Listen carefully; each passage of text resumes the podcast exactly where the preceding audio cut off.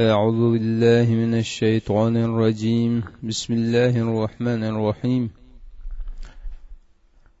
hazrati nuh alayhissalom hazrati odamning o'limidan keyin xili yillar o'tib ketdi qabrining atrofidagi gul chechaklar to'zib dal daraxt va tosh tuproqlar chirib ketdi yulduzlarning yeshig'i nurg'un yosh qetildi Yer yuzida nurg'unlagan narsalar o'zgarish hosil qildi odamning vasiyati unutilib ko'ni xatolik yana o'ttirg'i chiqdi. Bu qitinqi xatolikning shakli boshqacha bo'lsimu unutish xatosi yana takrorlangan edi. Nuhning qavmi dunyoga kelishdan burun nuhning ajdodi ichida besh solih kishi yashab o'tgan bo'lib ularning ismlari vad suvad yag'uz yauq va nasri edi.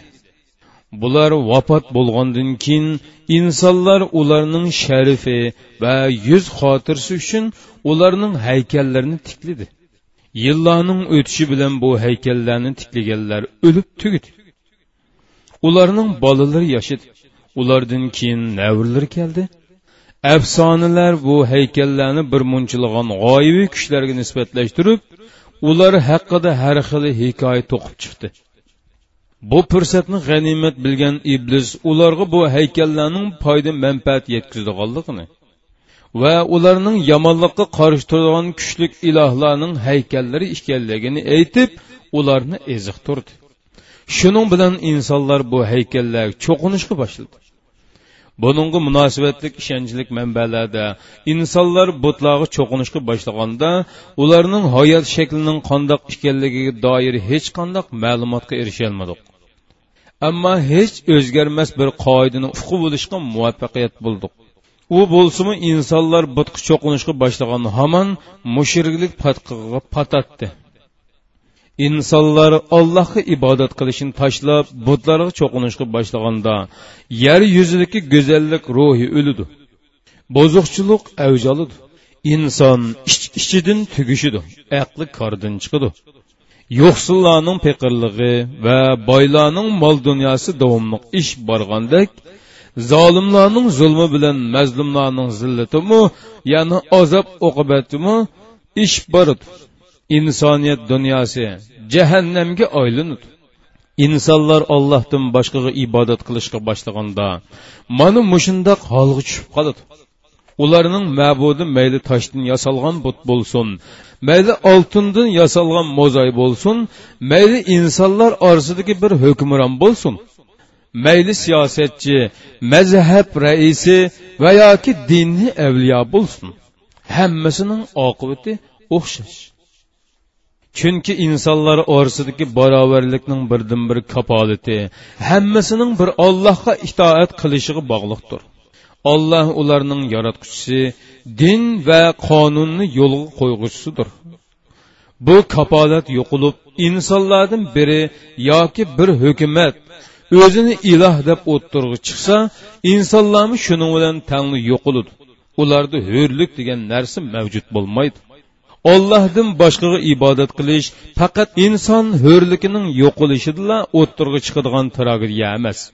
Uning xatarlik ta'siri insonning aqligacha yetib boradi va uni kirlatadi. Tushkunlashtirdi oxirida bo'lsa butunlay yo'qtidi chunki ulug' olloh insonni bilsin uchun yaratgan. Uning aqlini ilm egallash va o'ginishni maqsad qilgan javhar sifatida yaratdi. Ilmning eng muhimi yolg'iz ollohning yaratquchi ekanligini uningdan boshqalarning bo'lsa ollohning maxluqotlari ekanligini bilmakdir.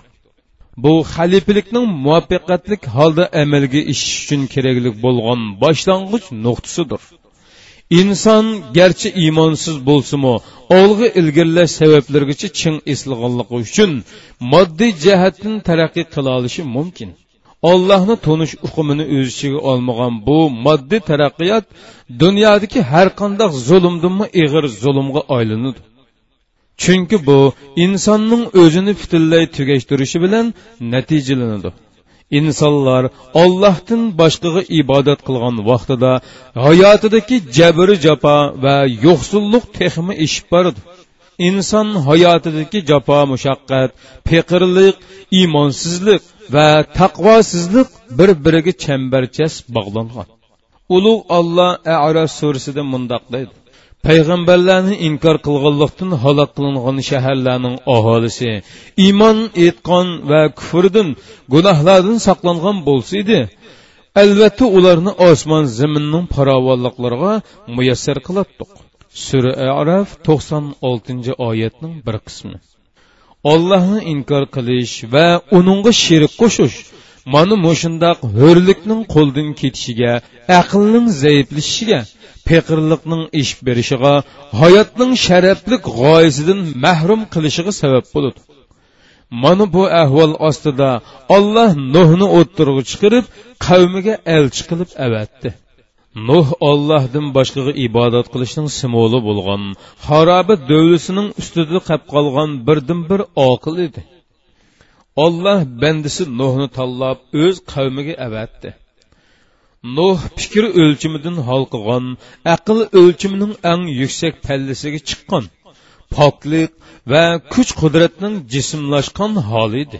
Qisqasi buyuklikning o'lchimi bo'yicha elib aytganda nuh o'z davrining eng buyuk insoni edi u na qavmning hukmroni na raisi na boy kishisi emas edi bizga shu ayonki buyuklik bo'lsa hukmronlik raislik va boylikdan farqliq hukmdir bu uchi umuman to'van tabiqadagi kishilarning ko'p qismini tashkil qiladi. Buyuklik bo'lsa qalb va vijdonning poklig'ida aql fikrida va bu aqlning atrofidagi hayot o'zgarishlarida ko'riladi nuh ollohning hazrati odam va uning avlodlarini yaratgan vaqtda ulardan olgan ahdini yodidan chiqarmagan biri bo'lib u tug'ilishidilla allohga iymon etdi. Barliq payg'ambarlarmi shuningga o'xshash payg'ambar bo'lmay turibla allohga iymon etqichilardir ularning orasida ibrohimga o'xshash ollohni izlaganlar musoga o'xshash uningga chin ixlosi bilan ishonganlar. Hazrati muhammad sallallohu alayhi vasallamga o'xshash uningga ibodat qilganlar va hayro g'orida istiqomatda o'ltirganlarmi bor nuhning buyukligini isbotlaydigan boshqa bir sababim bor edi.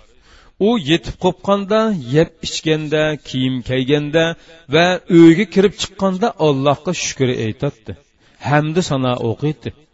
Ne'matlarni aslab qayta qayta hamdi aytadi shunga ulug' olloh nuh haqida mundoq degan edi. Nuh haqiqatan ko'p shukur qilg'uchi band edi. Olloh shukur qilg'uchi bandisini tanlab o'z qavmiga payg'ambar qilib avatdi. Nuh qavmini ollohga da'vat qilishga boshladi. Ey qavmim ollohga ibodat qilinglar. Sizlarga ollohdan boshqa ma'bud balhaq yo'qdir. Man haqiqatan sizlarning buyuk kunning ya'ni qiyomat kunining azobiga qilishinglardan qo'rqaman. Sura araf ellik to'qqizinchi oyatning bir qismi.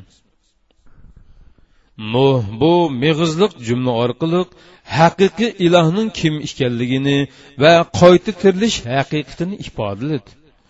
O'lim va o'limdan keyingi qayta terilish va qiyomat kunini bildirdi.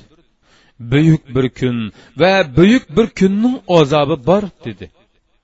Nuh qavmiga yaratquchi bir ollohdan boshqa ilohning yo'q ekanligini shaytonning uzundan buyon ularni aldab kelayotganligini va bu aldashning oxirlashish vaqti kelganligini allohning insonni sharafli qilganligini uni qandoq yaratganligini uningga rizq aql ne'mati ato qilganligini butlarga cho'qinishning aqlini buzib o'z o'ziga zulm qilishdan boshqa narsa emasligini ochiq tushundirdi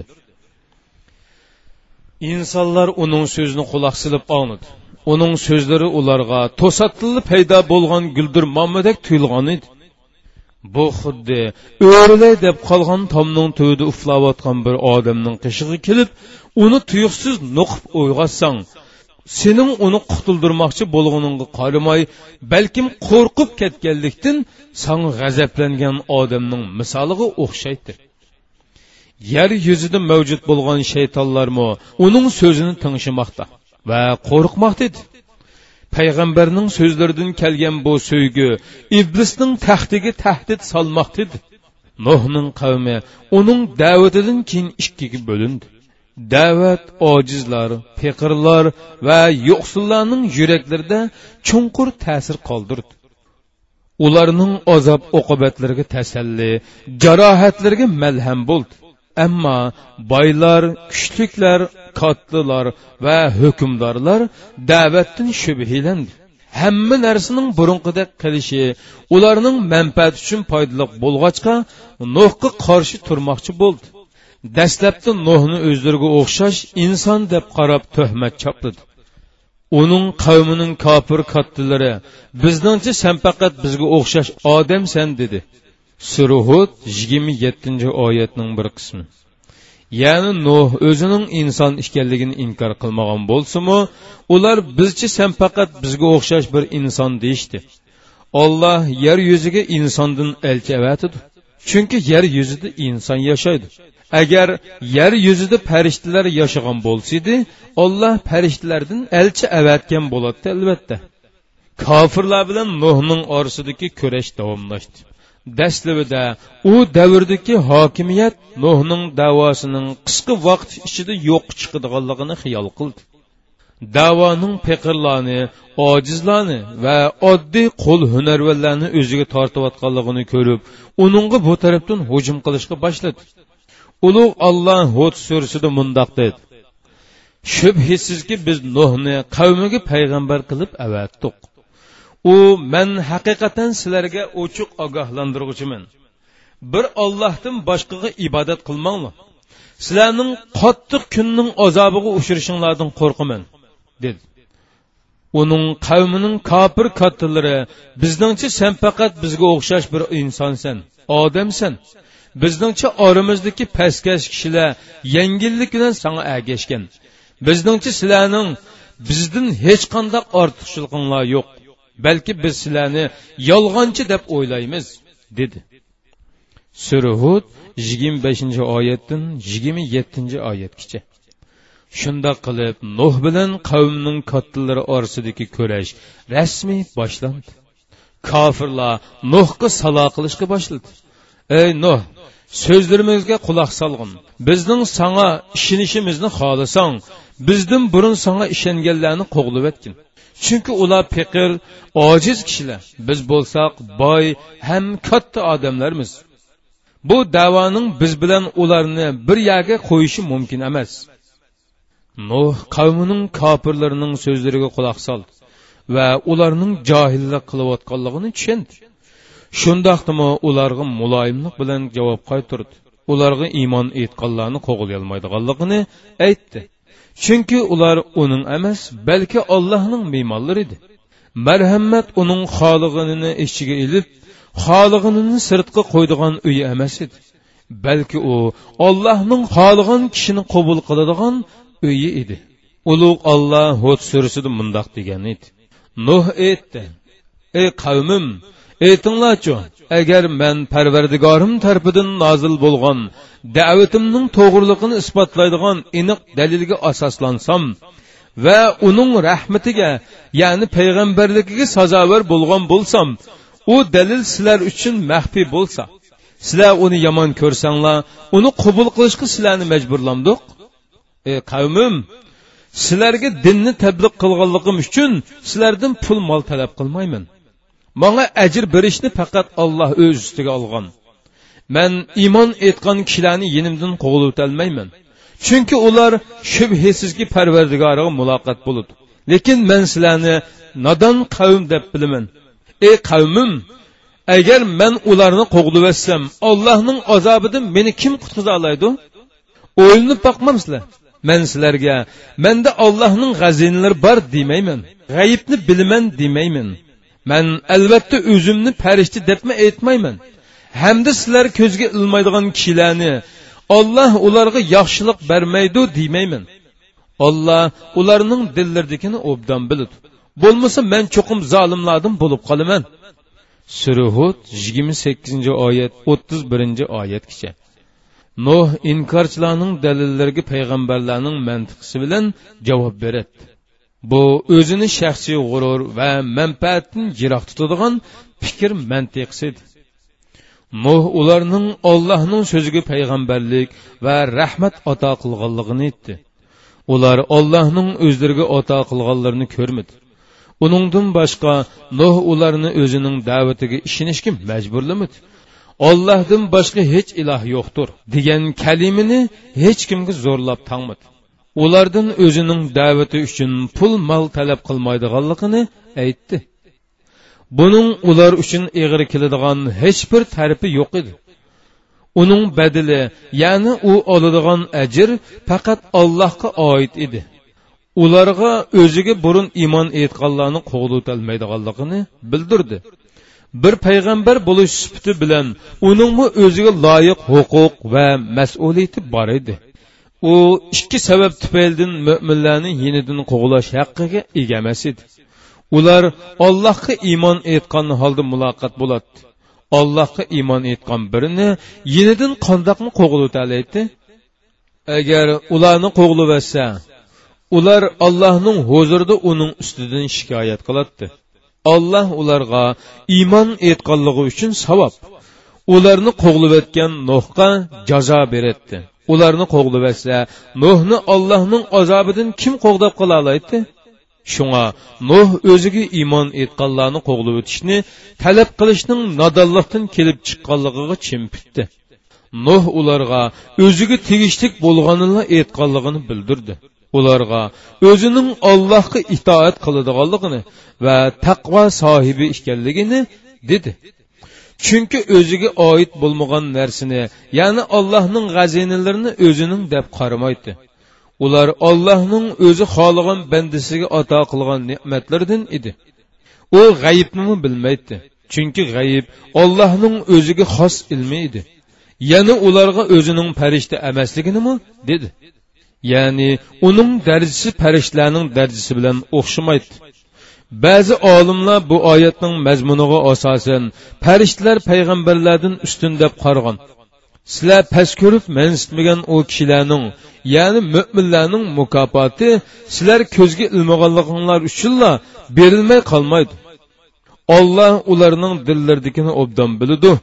Ularni mukofotlaydigan va jazolaydigan ollohdir man olloh ularga yaxshilik bermaydi desam o'zimga zulm qilgan bo'laman. Olloh ularning nuhqa qilgan muomalasini vud sursida mundoq bayon qilmoqda. Ular ya'ni nuhning qavmi ey nuh biz bilan munozirlashding nihoyatda ko'p munozirlashding agar rost so'zlikchilardan bo'lsang bizni qo'rqitgan azobni tushirib boqding dedi. Nuh aytdiki uni ya'ni azobni agar xohlasa faqat ollohga tushiralaydi sizlar hargiz qechib qutulolmaysizlar. Man sizlarga nasihat qilmoqchi bo'lsam olloh sizlarni gumroh qilmoqchi bo'lsa u chog'da mening sizlarga qilgan nasihatimning sizlarga foydasi bo'lmaydi. Olloh sizlarning parvardigoringlardir. Sizlar ollohning dargohiga cho'qim qaytisizlar surhud o'ttiz ikkinchi oyatdan o'ttiz to'rtinchi oyatgacha. No har qanday qarorni ollohning berdiganligini qabul qilganlik uchun ularning ozg'unligini ollohga havola qildi ya'ni ollohning ixtiyorligiga qo'ydi Әмма ular қалаймықан сөз harakatlari өрлік вә hukmronligi білін ozg'unlikqa тегіштік болды. undan burun iblis мұндақ degan edi sening meni оздырғалықың үшін. Сүрі araf o'n oltinchi oyatning bir qismi bu iboraning ma'nisidan ollohning uni ozdirganligi ko'rilmoqda. Haqiqat shudir.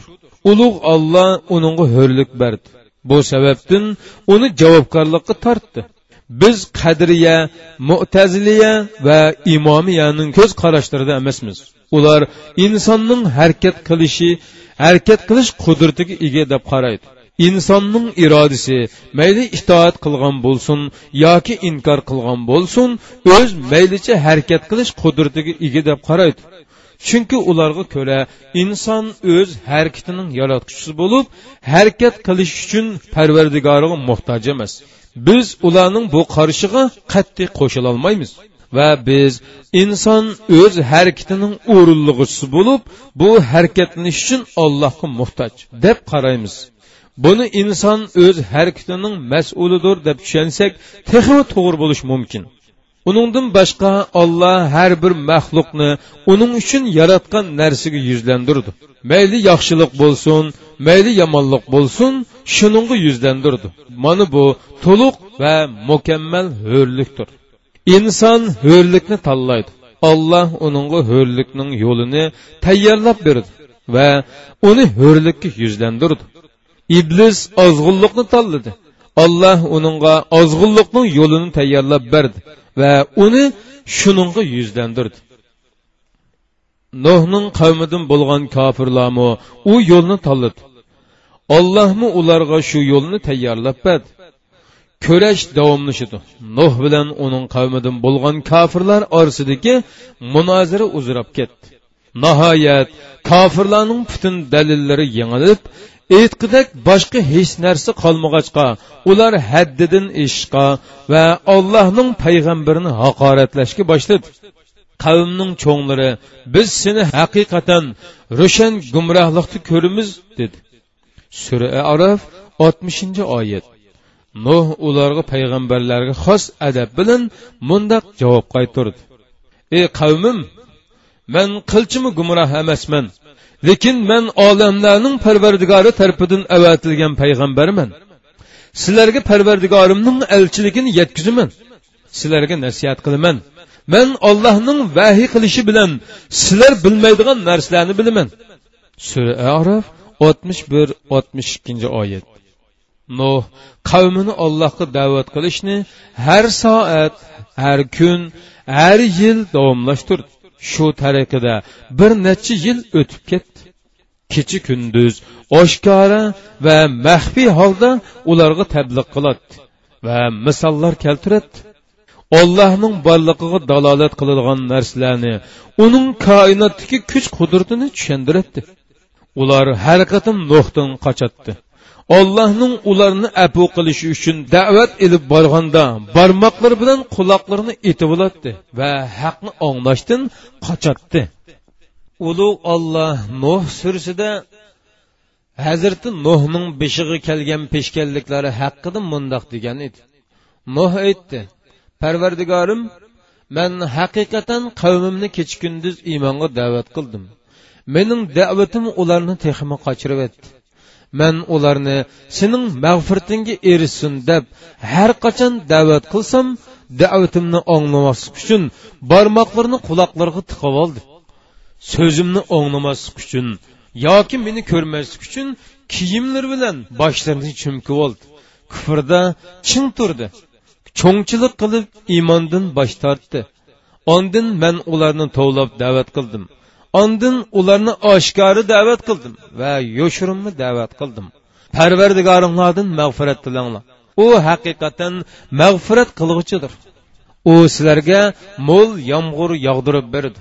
Sizlarning mollaringlarni va o'g'illaringlarni ko'paytib berdi sizlarga bog'larni o'stanglarni ato qiladi. Sura nuh beshinchi oyatdan o'n ikkinchi oyatgacha. Qavmi uningga nima deb javob bergan bo'lg'iydi nuh aytdi parvardigorim ular haqiqatan manga osiylik qildi. Milg'a bolasiga va o'zlariga ziyondan boshqani ziyoda qilmagan kishilarga ya'ni boylarga va kattavoshlarga ergashdi ular ya'ni kattavoshlar manga chim pitmidi manga va manga ergashganlarga aziyat yetkazib cho'ng heli tuzdi. Ular ma'budlaringlarni hargizmi tark etmanglar. Vadni suvani yag'usni yauqni va nasrni hargizmi tark qilmanglar tark etmanglar dedi. Ular haqiqatdan nurg'un kishilarni ozdirdi. Zolimlarni texmi gumroh qilg'in. Sura nuh yigirma birinchi oyatdan yigirma to'rtinchi oyatgacha. Nuh qavmini tavhidga to'qqiz yuz ellik yil da'vat qildi. Olloh ankabut surasida mundoq deydi. Biz haqiqatan nuhni qavmiga payg'ambar qilib avatdiq nuh qavmini tavhidga da'vat qilib ularning ichida ellik yil kam ming yil turdi. Nuh alayhissalomning qavmi butparast bo'lib uning payg'ambarligiga chim bitmadi. Ular zolim bo'lganliklari ya'ni kufrida va gumrohlikda ching turib o'zlariga zulm qilganliklari uchun alloh ularni to'pon balosi bilan halok qildi. U kofirlarning soni kun siri ishiyotganligini ammo mo'minlarning ko'paymayotganligini ko'rdi. Nuh bu ahvolga bakmi qayg'urgan bo'lsimi umidini yo'qotmadi. Qavmini davomliq da'vat qiladi va ular bilan munozirlashatdi qavmini o'z gapida kofirlik va gumrohlikda ching turishni qat'iy davomlashtirdi. Hazrati nuh qavmining holiga ichindi ammo umidsizlanmadi to'qqiz yuz ellik yil ichida umid bilan yashadi buningdan ko'rilishga bo'ladiki to'pon balosidan burun insonlarning hayoti bakmi uzun edi balki nuhga berilgan bu uzun umr uningga xos mo'jiza bo'lishi mumkin. Allohning uningga qavmidan burun iymon etganlardan boshqasining iymon etmaydiganligini bildiradigan kun yetib keldi. Olloh uningga qavmining qilmishi yuzsidan qayg'urmasligini vahiy qildi. Nuh ollohning kofirlarni halok qilishini tilab duo qildi. U mundoq dedi. Parvardigorim yer yuzida kofirlarning birsinimi qo'ymag'in. Sura nuh yigirma oltinchi oyat.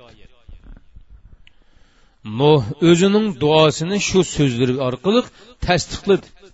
Agar ularni qo'ysang shubhisizki bandalaringni ozdirdi. Ularning topgan bolalarimi kofir va fojir bo'ladi. Sura nuh yigirma yettinchi oyat. Ulug' olloh mundoq dedi. Qavmingdan ilgari iymon etganlardan boshqa yana iymon etqichlar bo'lmaydi. Ularning qilmishlaridan qayg'urmag'in. Bizning ko'z o'ngimizda vahimiz bo'yicha kiyimi yasig'in o'zlariga zulm qilganlar to'g'risida manga so'z ochmag'in. Ya'ni ularga shafoat qilmag'in. Ular cho'qim to'pon balosida g'arq qilinadi. Surhud o'ttiz olti o'ttiz yettinchi oyatlar. Amr berildi. Ulug' olloh kofirlarga to'fon balosi avatilishni amr qildi. Olloh bandisi nuhqa kiyimini ko'z o'ngida va vahiy bo'yicha yasashni buyurdi. Ya'ni nuh kiyimini farishtalarning yordami bilan ollohning ilmi va ta'limoti bo'yicha uning ko'z o'ngida va vahiyda bildirganidek yasaydi olloh nuhga amr berdi. O'zlariga zulm qilganlar to'g'risida manga so'z ochmag'in. Ya'ni ularga shafoat qilmag'in. Ular cho'qim to'fon balosida g'arq qilinadi. Surhud o'ttiz yettinchi oyat. Olloh o'zlariga zulm qilganlarni mayli ular naqadar katta yoki payg'ambarga naqadar yaqin bo'lishidan qat'iy nazar hammasini suvda g'arq qiladi olloh payg'ambarlarni o'ziga zulm qilg'uchilar to'g'risida so'z ichish va ularga shafoat tilashdan to'sdi nuh kimi yasash uchun daraxt tikdi. Bir necha yil o'tgandan keyin tikkan daraxtlarni kesib yog'ochchilik qilishga boshladi uning kiymisi cho'ng igiz va nihoyatimi puxta edi tafsirshunoslar kiyimining hajmi shakli qavat soni yasilish muddati yasalgan yeri uzunligi va kangligi haqida hammasi noto'g'ri mujmal bo'lgan har xil ifodalarni o'ttirg'i qo'yishdi. Faxriddin rozi bu haqda mundoq dedi. Shuni bilib qilinglarki bu temalarning man uchun qilchi ahamiyati yo'q. Chunki bular cho'qim bilinishi kerak bo'lgan narsalar emas. Ularni bilganning hech qandoq foydasi yo'q. Alloh fahriddin roziga rahmat qilsin. Uning fikri nima degan to'g'ri? Biz bu kema haqida faqat ollohning bizga bildirganini bilalaymiz. Masalan uning qayerda yasalganligi uzunligi va kangligining qanchalik ekanligini bilmaymiz. Kiyimining nagi birib to'xtaganligidan boshqa hech qandaq ma'lumotimiz yo'q. U kiyimidan hech bir asar qolmadi. Kiyimi taxtlarining chirib parcha parcha bo'lib ketganligida hech shubhi yo'q. Chunki to'pon uzoq zamonlar burun maydonga keldi. Uningga munosibatlik iznoningmi foydasi yo'q. Uni bilishningmi keragi yo'q. Olloh muhim bo'lmagan bu temalarni tilga olmadi va qissaning muhim qismiga ahamiyat berdi. Nuh kiyimini yasashga boshladi. Kofirlar uning yenidan o'tgach uning nima uchun yasilayotganligini paraz qilishadi. Qurg'oqchilik ofati yuz bergachga u atrofdan daryo yoki dengiz yo'q edi. Shunga ular e nuh bu kemang qanda uzidi? Ziminning ustida mangamdu ya? Sening kiymangni mang'izg'idek suv nada? Sa oljibsa? deyishdi. Kofirlar nuhni masxara qilib qoqoqlab kulishdi. Nuhning qissidagi ko'rashning eng yuqori pallisi mana bu vaqtda tajalli qiladi. Botil haqni masxir qiladi. To'xtamay zanglik qiladi dunyoning o'z meli ekanligini xiyol qilib uzun mazgilgacha kamsitidi xotirjamlik va huzur halovat uning nasibisi. Azob uningga tegishlik emas edi. Ammo ularning hammasi to'fon balosining ustidagi pardining qoyrilishiga munosabatli edi. Mo'minlarmi ularni masxara qilishga boshladi. Ularning masxarasi haqiqatga aylandi. Ulug' olloh hud sursida mundoq dedi. Nuh kimyosidir qavmining cho'nglari uning oldidan o'tganda uni masxir qilishdi. Nuh aytdi agar sizlar bugun bizni masxir qilsanglar kelajakda sizlar g'arq qilinganda sizlar bizni masxir qilgandek bizmi sizlarni masxir qilamiz? Xor qilg'uchi azob ya'ni to'fon balosi bilan g'arq bo'lishning xor qilg'uchi azob ya'ni to'fon balosi bilan g'arq bo'lishning kimning ustiga keldiganligini doimiy azob ya'ni jahannamning azobining kimga tushadiganligini kelajakda bilasizlar. Suruhud o'ttiz sakkiz o'ttiz to'qqizinchi oyatlar. Kiyimi yosilib bo'ldi. Nuh ollohning amrini kutishga boshladi. Olloh nuhqa to'nirdan etilib chiqqan suvning to'ponning boshlanishining beshorati ekanligini bildirdi. Qo'rqinchli kun oxiri yetib keldi. Nuhning uydagi to'nirdan suv etilib chiqishga boshladi. Nuh kiyimini ichish va o'ziga ishonganlarni kiyimiga chiqarish uchun yugurdi. Jibril alayhissalom yer yuziga tushdi. Kiyimiga har bir jonliqdan bir juft soldi. Masalan bir siyr bilan bir buqa bir erkak bir kishi fil bir erkak bir kishi qushqoch bir erkak bir kishi yilpiz va hokazolar. Nuh kiyimining ichiga yirtqich hayvonlarni so'laydigan qafaslarni yasagan edi. Jibril alayhissalom yer yuzidagi hayvon va qushlarning hamma turidan bir juptin haydab kelgan edi. Bu to'fon suyining butun yer yuziga yildiganligini ifodalaydi agar undoq bo'lmagan bo'lsa bu tur qush va hayvonlarning kiyimiga chiqirilishining hech qanday ahamiyati yo'q edi. Kiyimi yuqori ko'tarilishga boshladi. Hayvonlar qushlar va hazrati nuhga iymon etgan mo'minlarni ko'tarildi. Mo'minlarning soni ozid. Ulug' olloh hud surasida mundoq deydi. To'fon balosi to'g'risida buyruqimiz yetib kelgan va yer yuzidan suv etilib chiqqan chog'da kiyimiga hayvonotlardan erkak kishi bo'lib bir juftin ilib olg'in. Oilangnikilar bilan halok bo'lishi hukm qilinganlar ya'ni nuh alayhissalomning ayoli voila bilan o'g'li kanon buning sirtida. Iymon etganlar bilan kemiga chiqqin dedik uning bilan faqat ozg'ina kishilar iymon etdi. Surhud qirqinchi oyat. Nuhning ayoli uningga iymon etmagan edi. Shunga u kiyimiga chiqmadi. O'g'illardan biri ko'rinishda iymon etganda qilg'on bilan amaliyatda kofir edi va buni otasidan yo'shirib kelgan edi.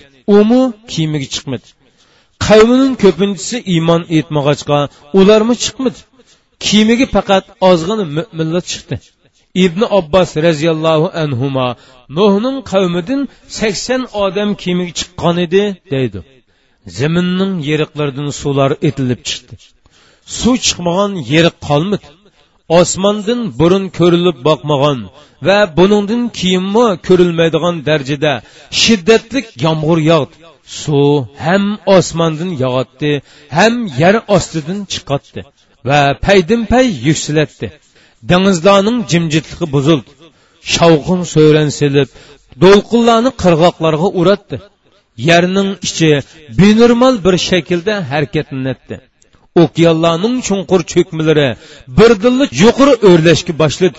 Zimin osti osti dengiz do'lqinlarining ostida qilib o'tatdi yer shari tunji qitim butunlay suv ostida qoldi. Yer shari to'pon balasi vaqtida suv shariga aylangan edi. Ulug' olloh qamar surasida mundoq dedi. Osmonning darvozalarini quyilib yoqishi yomg'ir bilan ichib etdik zimindan buloqlarni etildirib chiqardik. Olloh taqdir qilgan ularni g'arq qilib halok qilish ishiga binoan yomg'ir suyi bilan buloq suyi bir biriga qo'shildi. Nuhni taxta va mixlar bilan yasalgan kiyimiga soldiq suri qamar o'n birinchi oyatdan o'n uchinchi oyatgacha. Suvlar insonlarni yutib ketgidek darajada yuksaldi. Osta osta daldaraxt va tog'larmi sularning ostida qilishga boshladi. To'fon balasi boshlangan vaqtda nuh o'g'lini chaqirdi. O'g'li uningdan yiroq dedi. Nuh mundoq dedi. Ey o'g'lim biz bilan kemik chiqqin kofirlar bilan birga bo'lmag'in. Surhud qirq ikkinchi oyatning bir qismi. O'g'li otasiga mundoq javob qaytardi meni suvda g'arq bo'lishdan saqlab qoldigan bir tog'ning ustiga chiqib olaman. Surhud qirq uchinchi oyatning bir qismi. Nuh uni qayta chaqirib mundoq dedi. Bugun olloh rahim qilgan odamdan boshqa hech qandoq odam uning jazolashidan qutulib qololmaydi. Surhud qirq uchinchi oyatning bir qismi. Ularning orasidagi ovoz uzilib qoldi.